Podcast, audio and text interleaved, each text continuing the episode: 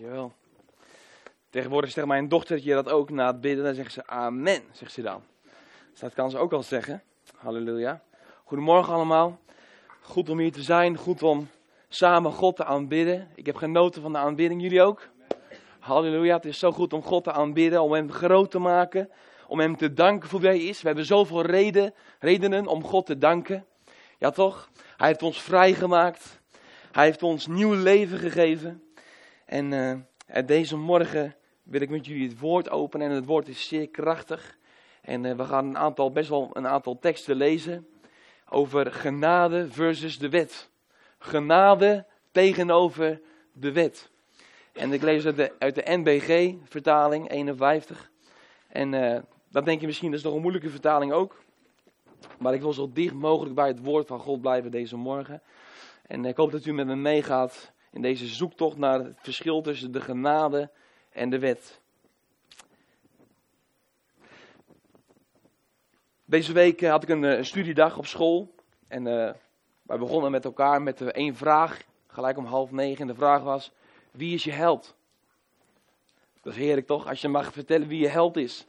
Dan kun je gelijk getuigen, getuigen dat Jezus Christus jouw held is. En de een komt met de Dalai Lama en de ander komt weer met een oom die een held is. Allemaal mooie verhalen hoor. Maar het is zo krachtig om te vertellen. Mijn held is Jezus Christus. En waarom? Hij heeft me nieuw leven gegeven. Hij heeft mij veranderd tot wie ik nu ben. En hij is mijn koning. Hij is mijn God waarover we net gezongen hebben. En als we het hebben over de wet en over genade, dan denk je misschien, waarom moet je erover spreken? Dat is toch best duidelijk, de wet en dat we de genade hebben ontvangen. Maar als ik in, in deze wereld kijk, als ik naar Nederland kijk en naar, naar de kerk in Nederland, dan zitten we nog ontzettend vast aan de wet. Dan willen we wel leven vanuit de genade. We geloven dat God ons gered heeft. Maar we willen ook zo graag nog even vasthouden aan die wet. We willen eigenlijk toch ook maar heel graag doen wat die wet van ons vraagt. En we vinden het nog ontzettend belangrijk wat die wet vertelt. En in de loop der jaren is de boodschap van genade verkleind en verminderd en verminderd.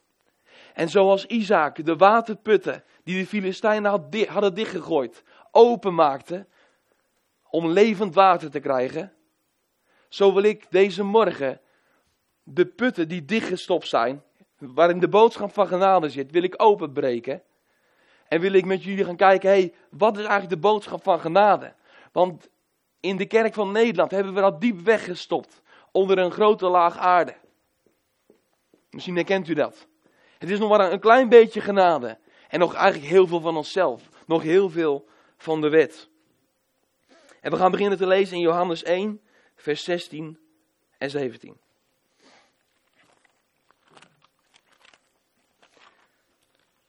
En we gaan de wet tegenover de genade zetten. Johannes 1, vers 16 en 17. En daar staat dit. Immers, uit zijn volheid hebben wij alle ontvangen, zelfs genade op genade. Want de wet is door Mozes gegeven, maar de genade en de waarheid zijn door Jezus Christus gekomen. Wauw, genade op genade. Merkt u dat Johannes, die verkondigt hier over Jezus, dat hij, dat hij de wet van Mozes tegenover de genade van Jezus Christus zet. En wat zegt hij? Hij zei, de wet is gegeven, is gegeven. Maar genade en waarheid, de waarheid is dus aan de kant van de genade, zijn door Jezus Christus gekomen. Die zijn niet gegeven, die zijn gekomen in een persoon. En zijn naam is Jezus. Misschien denk je, maar de wet is toch ook waar? Jazeker, de wet is ook waar. Maar dat is iets anders dan de waarheid. De wet gaat je namelijk niet de volledige waarheid geven, maar de genade wel. De waarheid is aan de kant van de genade. En de apostel Johannes stelt die tegenover elkaar. De genade en de waarheid en de wet van Mozes. En we gaan nu Romeinen 7 lezen en dat gaan we helemaal lezen, stuk voor stuk. Soms stop ik even. En dan gaan we kijken naar de uitweg van de wet. Wat is ermee gebeurd? En het zal steeds een stukje duidelijker worden. Romeinen 7, begin ik bij vers 1. Of weet gij niet, broeders, ik spreek immers tot wie de wet kennen, dat de wet heerschappij voert over de mens zolang hij leeft. Hier stop ik alweer. De wet voert heerschappij over ons. De wet staat boven ons. De, we zijn een soort slaaf van de wet, staat hier eigenlijk. En dan ga ik verder in vers 4, sla ik een stukje over. Bijgevolg, mijn broeders, zijt ook gij dood voor de wet door het lichaam van Christus, om het eigendom te worden van een ander, van hem die uit de doden opgewekt is, opdat wij goden vrucht zouden dragen. Want toen wij in het vlees waren, werkten de zondige hartstochten, die door de wet geprikkeld worden in onze leden, om voor de dood vrucht te dragen. Maar thans zijn wij van de wet, wat zijn we? Ontslagen, dood voor haar, die ons gevangen hield. Zodat wij dienen in de nieuwe staat des geestes en niet in de oude staat der letter. Hier stop ik even. We zijn ontslagen voor de wet, staat hier. We zijn dood voor de wet. Er zijn wel zoveel mensen die maar vast blijven houden aan de wet. Maar hier staat, we zijn dood voor de wet. We zijn ontslagen van de wet. We waren slaaf van de wet. Nu zijn we daar dood voor de wet. En wat staat er? Er staat, want toen wij in het vlees waren, werkten de zondige hartstochten, die door de wet geprikkeld worden in onze leden, om voor de dood vrucht te dragen. Dus wat gebeurt er? De wet wekt de zonde in ons op. De wet die Mozes, door Mozes is gegeven, die prikkelt de zonde in ons. Is dat niet gek? De wet vertelt je juist wat je niet moet doen en dat zijn toch allemaal goede regels? Ja, dat zijn ook goede regels.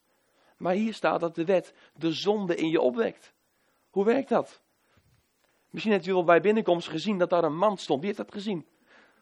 Ja, ik zie een aantal handen, stond een mand. Stond een briefje op.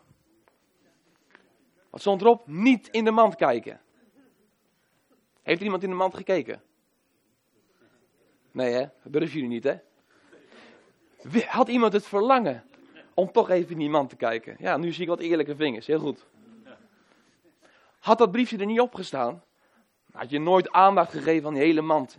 In zijn totaliteit niet. Maar doordat dat briefje erop staat, je mag niet in de mand kijken, denk je, weet je, wat zou er eigenlijk in zitten? Ik ben eigenlijk wel heel benieuwd en nieuwsgierig, wat zou erin zitten? Weet je, zo werkt de wet. De wet vertelt je, je mag niet dit doen, je mag niet dat doen, je mag niet dat doen. En dan denk je, dat wil ik eens gaan proberen. De wet wekt zonde in ons op. De wet zorgt ervoor dat jij denkt, wat is er achter die schutting? Hoe zou dat zijn? Dat is hoe de wet werkt. Ik had eens een keer een leerling in mijn klas. En die was uh, aan het overschrijven uit het nakijkboekje. Slimme leerling. En de leerlingen tegen mij zeiden, hij doet dat. Wat doe je eraan? En ik liep daar naartoe en ik zei, joh, geen probleem, je mag het hele boekje overschrijven. Ga je gang. En het was gelijk niet meer interessant voor deze leerling.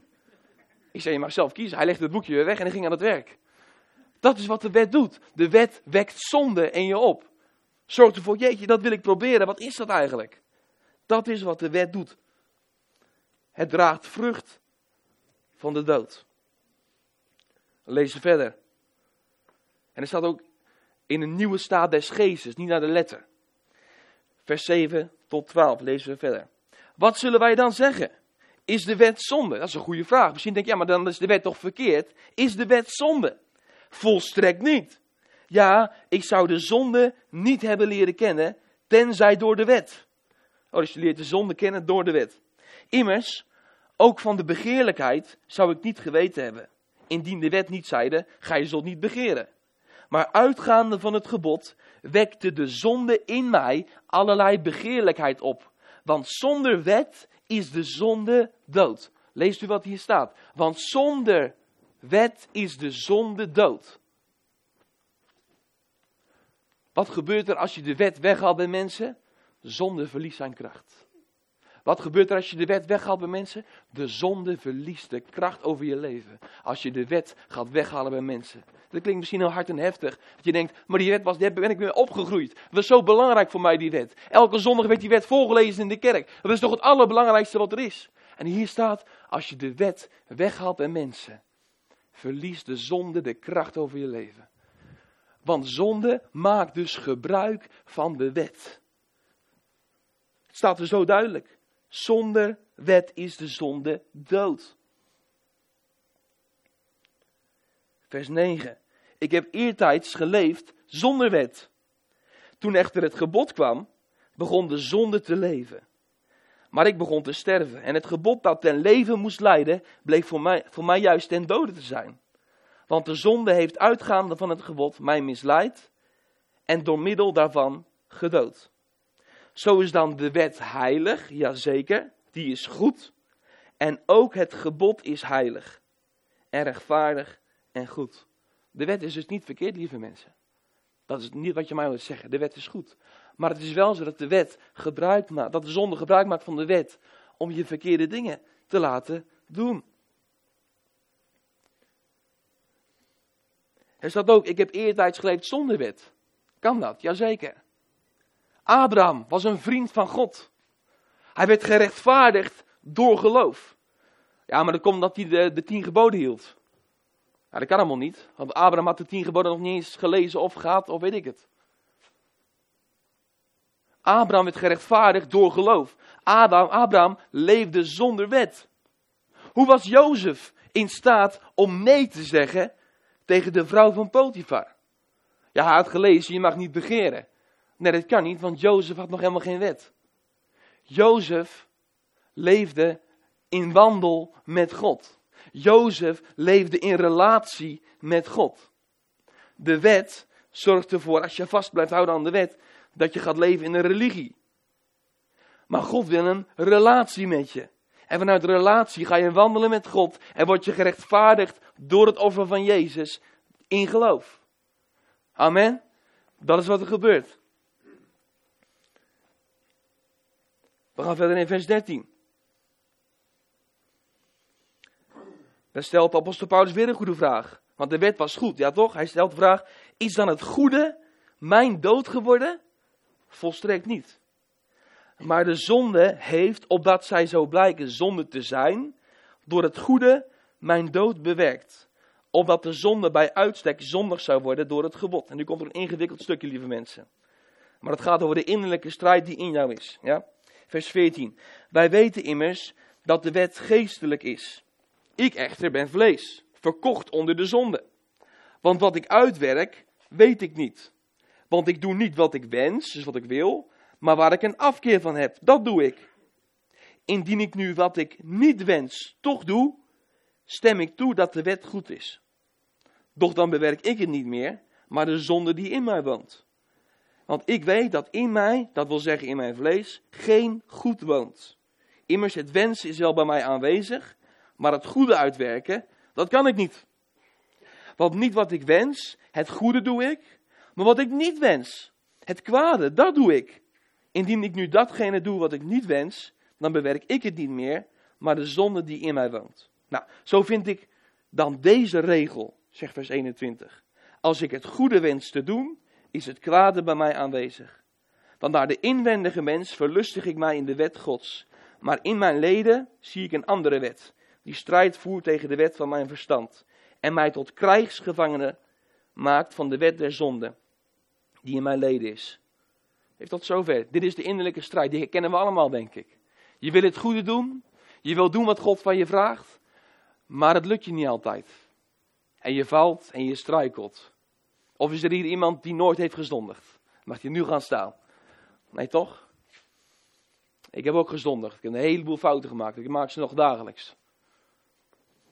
Wil ik dat? Nee, dat wil ik niet. Maar ik doe het wel. Maar je bent toch een kind van God? Ja, ik wil leven zoals Hij dat wil, maar het lukt me niet. Dat is de innerlijke strijd waar Paulus over spreekt. Ik wil de wet volgen, maar het zal me nooit lukken. Wat is de oplossing? Vers 24. Wie zal mij verlossen? Ik ellendig mens, wie zal mij verlossen uit het lichaam deze doods? Gode zij dank, door Jezus Christus onze Heer. Derhalve ben ik zelf met mijn verstand dienstbaar aan de wet Gods, maar met mijn vlees aan de wet der zonde. Wauw. De oplossing is alleen maar door Jezus Christus. Door de genade van Jezus Christus. Door zijn offer. In zijn offer. Hoef ik niet meer te strijden tegen de wet. Ben ik niet meer verkocht als slaaf onder de wet. Maar ben ik een zoon en een dochter geworden van de Allerhoogste Koning.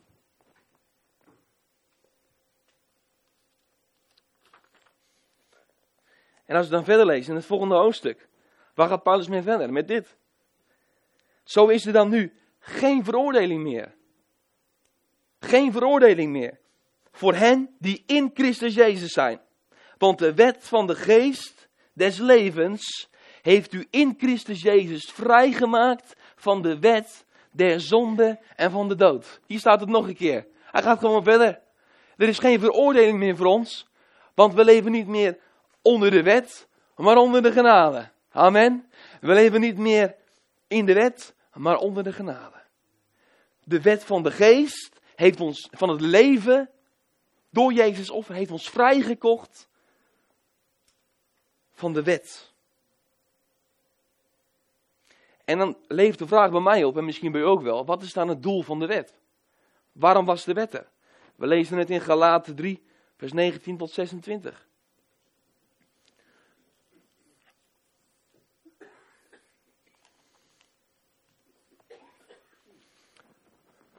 Galaten 3, vers 19 tot 26. Ik ga hem even van de biemen lezen. Wat is dan het doel van de wet? Als de wet, de wet is heel goed, hebben we gelezen. De wet is heilig en goed. Maar de wet wekt zonde in je op. En we zijn vrijgekocht van de wet. Waarom was er dan de wet? Waarom heeft God dat bedacht? Waartoe dient dan de wet? Paulus vraagt het ook. Om de overtredingen te doen blijken, is zij erbij gevoegd. Totdat het zaad, Jezus Christus, zou komen, waarop de belofte sloeg. En zij is op last van God door engelen in de hand van een middelaar gegeven. En middelaar is niet de vertegenwoordiger van één. God echter is één. Is de wet dan in strijd met de belofte Gods? Volstrekt niet. Want indien er een wet gegeven was, let op, die levend kon maken, als de wet jouw rechtvaardigheid en leven kon brengen, dan zou inderdaad uit een wet de gerechtigheid voortgekomen zijn. Nee, de schrift heeft alles besloten onder de zonde, opdat ten gevolge van het geloof in Jezus Christus de belofte het deel zou worden van hen die geloven. Doch voordat dit geloof kwam, werden wij onder de wet in verzekerde bewaring gehouden, met het oog, waarop? Wat, moet, wat moesten we op wachten? Op het geloof dat geopenbaard zou worden.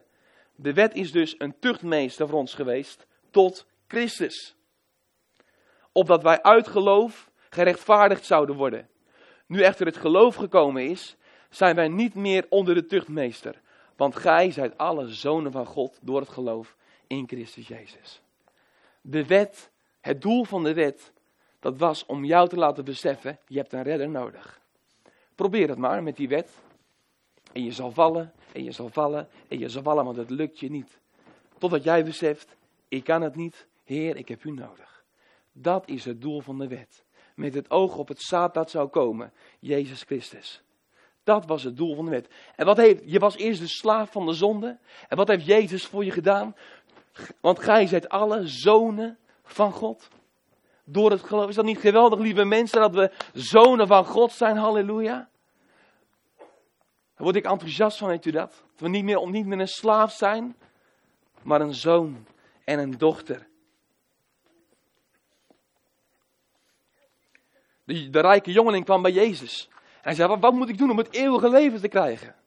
En Jezus zei, ja, je moet je aan de tien geboden houden. En hij zei, dat heb ik gedaan. En Jezus zei, maar één ding ontbreekt er nog. Verkoop alles wat je hebt en volg mij.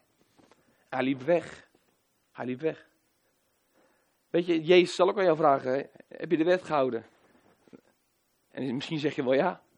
Maar hij zal altijd zeggen, één ding ontbreekt er nog. Je hebt dit nog gedaan, je hebt dat nog gedaan. En waarom zeg je dat? Hij wil jou laten zien, je hebt mij nodig. Je hebt een redder nodig en zijn naam is Jezus Christus. Dat is het doel van de wet. Wat is dan het gevolg van wat Jezus deed? Wat is er nu gebeurd? Colossense 2, vers 13 tot 15.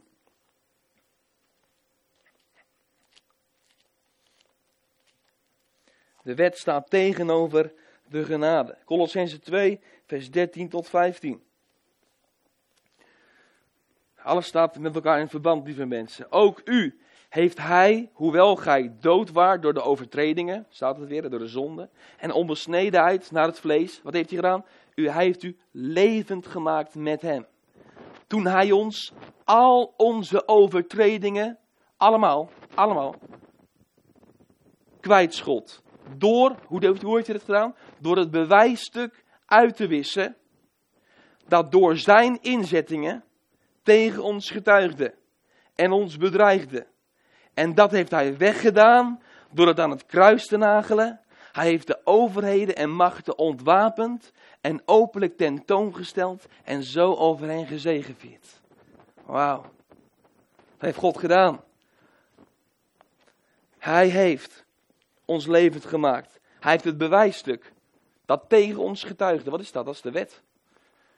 Door zijn inzettingen, nou dat is de inzetting van God, is dat hij de wet gegeven heeft. En de wet getuigt tegen ons dat wij fout zijn, dat we slaaf zijn van de zonde. Wat heeft hij gedaan? Hij heeft het teniet gedaan. Hij heeft het aan het kruis genageld. En daarom heeft hij ook de boze ontwapend. Want wat is het wapen van de boze? Hij gebruikt de wet om jou te veroordelen. Als hij bij je komt, dan zal hij zeggen, ja, jij bent helemaal niet het waard om in de kerk te komen, joh. Jij, jij zegt dat je de rechtvaardigheid van God bent, maar je, maar je doet allemaal zonde. Het staat toch in de wet? Hij gebruikt de wet om jou te veroordelen. Maar nu staat hier, is de boze ontwapend. Jezus heeft de wapens van de, van de duivel afgepakt. En zei, jij kan niet meer veroordelen, want ik, mijn genade is over hen. Genade op genade op genade. Ik heb deze mensen vrijgemaakt. Ik heb ze vrijgekocht. Er is, er is geen recht meer om dat te doen. Ik heb wel eens een verhaal verteld van die huisbaas, ja toch? Dat je een huisbaas hebt die verschrikkelijk is, die je veel te veel huur laat betalen, die heel naar tegen je is. Je woont dan in zo'n oud krot. En dat er een dag komt, dat er een man komt die zegt, joh, ik koop het appartement, je hoeft niks te betalen. En uh, je mag hier lekker vrij wonen, helemaal goed. En de volgende dag staat die oude huisbaas op de stoep. En hij zegt, ik krijg nog geld van je, joh. Je hebt die vaas nog kapot gemaakt. En dan zeg je, je, je mag het regelen met de nieuwe huisbaas, want die is er verantwoordelijk voor. Wauw. Dat is wat Jezus heeft gedaan. Hij heeft de boze ontwapend. En telkens als de boze komt met een aanklacht, joh, je bent helemaal niet heilig. Oh, je bent helemaal geen goede vader of moeder voor je gezin. Oh, je zal helemaal niet slagen in het leven. Die baan is niet voor jou. Je, wat denk je wel? Je, moet, je doet zoveel zonde. Dan zeg je, ho ho.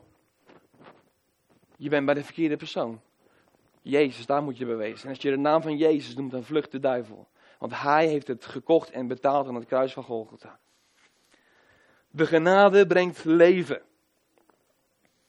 Weet je, toen het volk van Israël uit Egypte bevrijd was, toen uh, kwamen ze bij de, bij de Rode Zee en ze begonnen gelijk te zeuren. Ja toch? Oh, gaan we nu hier sterven, want de Egyptenaren komen eraan. Is dit de wil van God?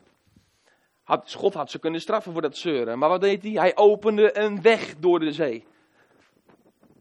En toen waren ze aan de overkant. En toen was er geen water. En ze begonnen te zeuren. Maar God maakte het water zoet. En toen hadden ze honger. Ze begonnen weer te zeuren. En God gaf mannen uit de hemel. Het volk zeurde steeds. God had zo kunnen straffen daarvoor. Maar God gaf zijn genade. En je leest de hele weg vanuit Egypte tot de berg Sinai. Stierf er niemand. Ga maar teruglezen. Van het volk Israël. Er stierf niemand. Maar zodra de wet gegeven was. Mozes kwam de berg af. En wat was het volk aan het doen? Ze maakten een gouden kalf. En de, de berg Sinai stond in vuur en vlam. En wat gebeurde er? 3000 mensen stierven aan de voet van die berg. En dat was precies 50 dagen na de uittocht. Oftewel, de eerste Pinksterdag. Gaan verder in de tijd. Pinksteren. De Heilige Geest wordt uitgestort. Tongen van vuur ontstaan. Wat gebeurt er? 3000 mensen komen tot geloof. 3000 mensen stierven nadat de wet gegeven was. Want de wet brengt de dood voort, zegt de Bijbel.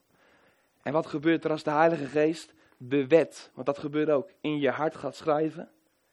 3000 mensen komen tot geloof door het, door het woord van Petrus, van God door Petrus heen. Dat je een zoon en een dochter bent van de Allerhoogste Koning. Dat hij je gered heeft. Dat hij je een nieuw leven wil geven. En 3000 mensen komen tot geloof. De wet versus genade, lieve mensen. De wet brengt de dood, maar genade brengt het leven. Halleluja. Wat is er dan met de wet gebeurd, zul je afvragen? Want we geloven nog wel in de wet, toch? Jazeker.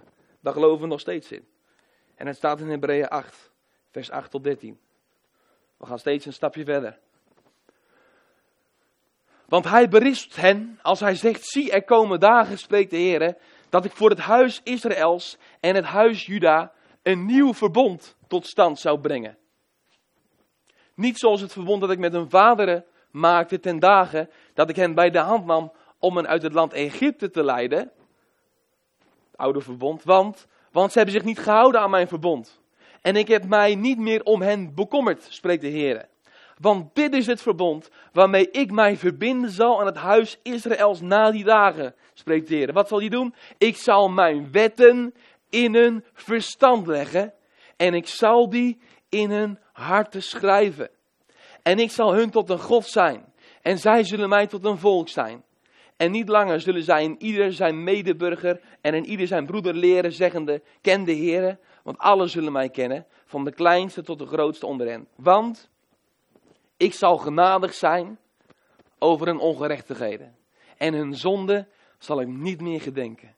En als hij spreekt van een nieuw verbond, heeft hij daarmee het eerste voor verouderd verklaard. En wat verouderd en verjaard is, is niet ver van verwijdering. Spreekt ook nog van die mensen die nog geloven in het oude verbond. Dat lijkt me best duidelijk, toch? Het oude verbond. Er was helemaal geen nieuw verbond nodig als het oude verbond goed was geweest. Het verbond van de wet van Mozes. Maar het nieuwe verbond zegt, ik zal je God zijn. Jij bent mijn kind. En ik zal mijn wet in je hart schrijven. Wat betekent dat? Dat betekent dat je niet meer een slaaf bent van de wet.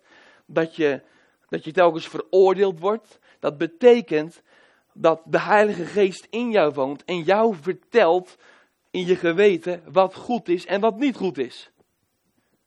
De wet is niet zomaar weg, nee, de wet is in jouw hart, in je verstand gelegd. Zodat je vanuit een verlangen gaat doen wat God zegt. Hiermee onderstreep ik ook dat het, eh, het, het, het doodmaken, het ontslaan van de wet, is niet een vrijbrief om maar te gaan zondigen. Nee, volstrekt niet, zegt Paulus. Want de wet wordt in je hart geschreven. En vanuit een verlangen ga je doen wat God zegt. Weet u, ik geloof zelf in, in de hof van Eden, bij de schepping, had je twee bomen. De boom des levens. Ik geloof dat dat voor Jezus staat. Geloof ik. En de boom van kennis van goed en kwaad. Wat is de kennis van goed en kwaad? Dat is de wet. En God zei, je mag niet van die boom van kennis van goed en kwaad eten. Ik geloof dat God toen al de mens wilde beschermen voor de wet. Want Adam en Eva, die kenden nog helemaal geen veroordeling. Die kenden nog geen schaamte. Die kenden nog geen dood. Maar zodra ze van die, van die vrucht gegeten hadden, wat, wat, wat, wat gebeurde er? Ze begonnen, ze begonnen zich te schamen.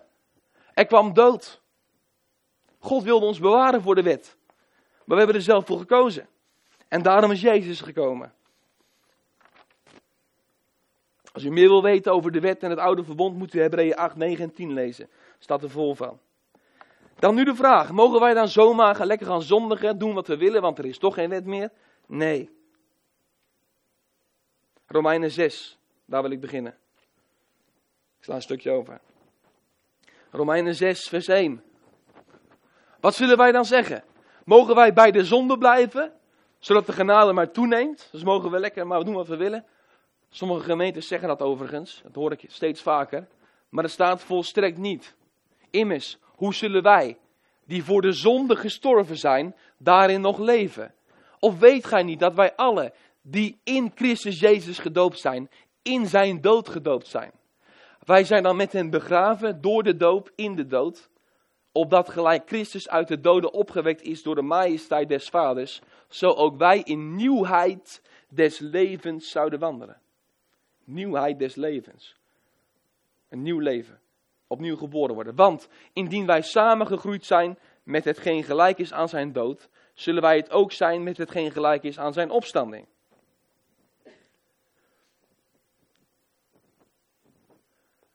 Want wat zijn dood betreft, is hij voor de zonde eens voor altijd gestorven. Wat zijn leven betreft, leeft hij voor God. Zo moet het ook voor u vaststaan dat gij wel dood zijt voor de zonde, maar levend voor God in Christus Jezus.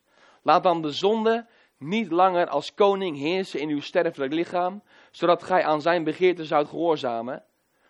En stel uw leden niet langer als wapenen der ongerechtigheid ten dienste van de zonde, maar stelt u ten dienste van God als mensen die dood zijn geweest, maar thans leven. En stelt uw leden als wapenen der gerechtigheid ten dienste van God. Vers 14 immers, de zonde zal over u geen heerschappij voeren, want gij zijt niet onder de wet, maar onder de genade. Dat is een conclusie. Dus de wet brengt dood voort. Maar we zijn niet meer onder de heerschappij van de wet, van de zonde. We zijn dood voor de zonde, zegt deze tekst. Want de zonde mag dus geen heerschappij voeren over je leven. En als jij roept, ja, ik leef in de genade van God, ik ben vrij, ik mag doen wat ik wil, dan leef je niet onder de heerschappij van de genade. Dan leef je onder de heerschappij van de zonde, want je laat de zonde maar toe in je leven. Dat is heel wat anders. Kun jij als jij zondigt zeggen, ik ben de rechtvaardigheid van God? Dat kun je niet. Dat lukt niet. Jij bent de rechtvaardigheid van God. En uit een verlangen ga je doen wat God van je vraagt. Niet meer uit een wet, ja, uit een wet in je hart geschreven, uit een verlangen. Maar niet meer naar de letter. Want de Bijbel zegt de letter dood, maar de geest maakt levend. We zijn dus niet meer onder de wet, staat hier heel duidelijk, maar onder de genade. Toen Jezus bij Zacchaeus kwam, wat zei hij? Jo, je bent een tollenaar, je, je vraagt veel te veel geld en de wet zegt dat dat niet mag. Dat zei hij niet. Hij zei, kom naar beneden, ik wil met je eten. En Zacchaeus, wat had hij? Een ontmoeting met Jezus. En wat gebeurde? Hij werd een kind van God. En wat gebeurde er? Ging hij verder met, met zijn zonde? Nee, hij bekeerde zich. Hij zei, ik geef ze zelfs extra geld terug. Pas maar op, genade maak je een gever. Halleluja. Het was niet de wet die Zacchaeus overtuigde. Want de wet zou hem alleen maar veroordelen. Maar Jezus veroordeelde niet. Jezus liet hem zien wie hij was. En door het contact met de Vader, door een relatie met Jezus Christus, kwam de Heilige Geest in zijn hart en zei: ik wil, ik wil doen wat Jezus zegt. Ik wil hem volgen. Ik wil lijken op hem. En ik wil niet meer deze zonde doen. Dat is wat er gebeurt, lieve mensen. Er was allemaal geen wet voor nodig. Nee. Dat was de geest in Zacchaeus. En tot slot. Wat doet God met jouw leven dan? Wat gebeurt er met jouw leven als je dit gelooft? Als je gelooft dat genade overvloedig is voor jouw leven. Dat je niet meer een slaaf bent van de wet. Gaan we de laatste tekst lezen. Uit 2 Korinthe 3. Mag u vast opzoeken. 2 Korinthe 3 vanaf vers 7.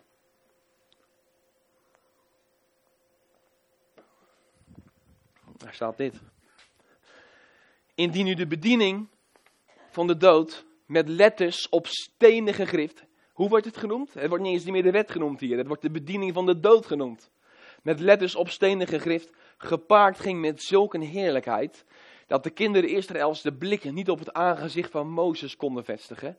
Om de heerlijkheid van zijn aangezicht. Die toch verdwijnen moest. Staat het al hè? Hoe zal niet nog meer de bediening des geestes een heerlijkheid zijn?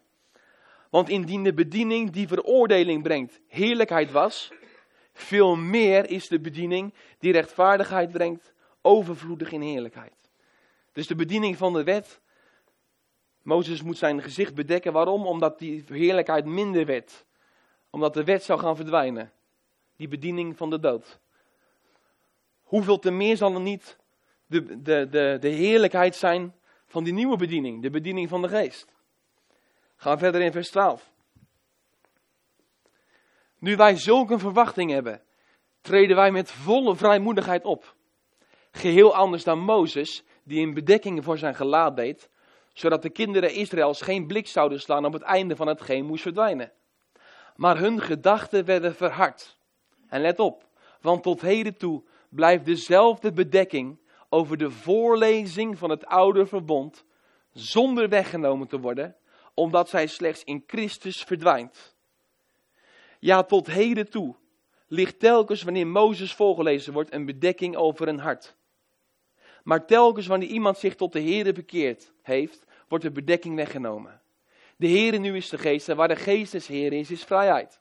En wij allen, die met een aangezicht waarop geen bedekking meer is, de heerlijkheid des Heeren weer spiegelen, veranderen naar hetzelfde beeld van heerlijkheid tot heerlijkheid, immers door de Heere die geest is. Wauw. mag je dan de wet niet meer voorlezen of het oude verbond? Jawel. Maar als je het daarbij laat, ligt er een bedekking over je hart. En die wordt alleen weggenomen in Christus Jezus. In zijn volbrachte werk. In de genade die hij geeft. Weet je, de wet zegt, jij zal niet. Jij zal niet stelen. Jij zal niet liegen. Jij zal niet, jij zal niet. De wet gaat over jou. Genade zegt, ik maak jou de rechtvaardigheid van God. Ik geef je mijn genade. Ik geef je mijn liefde. Ik zorg voor je. Ik ben jouw geliefde vader. Genade, daar hebben wij wel deel aan. Maar we, hoeven er zelf niks voor te doen. Alleen maar te zeggen, Heer, ik accepteer wat u voor mij gedaan hebt aan het kruis. En ik wil deel hebben aan die genade. Wie wil dat? Wie wil deel hebben aan die genade? Mag ik handen zien? Wie wil er deel hebben aan die genade? Halleluja. Ja toch? En de wet veroordeelt je. Maar het is de genade van Jezus Christus die zegt, ik wil je verlossen. Zodat, zodat jij kan zeggen, en dat klinkt helemaal niet trots, maar dat mag je zeggen. Ik ben de rechtvaardigheid van God. En als de Heilige Geest in je hart woont, zul je vanuit het verlangen gaan doen wat God zegt. Zonder de wet op, op stenen gegrift, maar wel met de wet in jouw hart. En dat is een verschil, lieve mensen. Dat is de wet versus genade. En ik wil een moment nemen om daarover na te denken. Er is veel gesproken, veel teksten gelezen. Om daarover na te denken. We gaan naar een lied luisteren. En laat het even op je inwerken en ik wil straks met u bidden.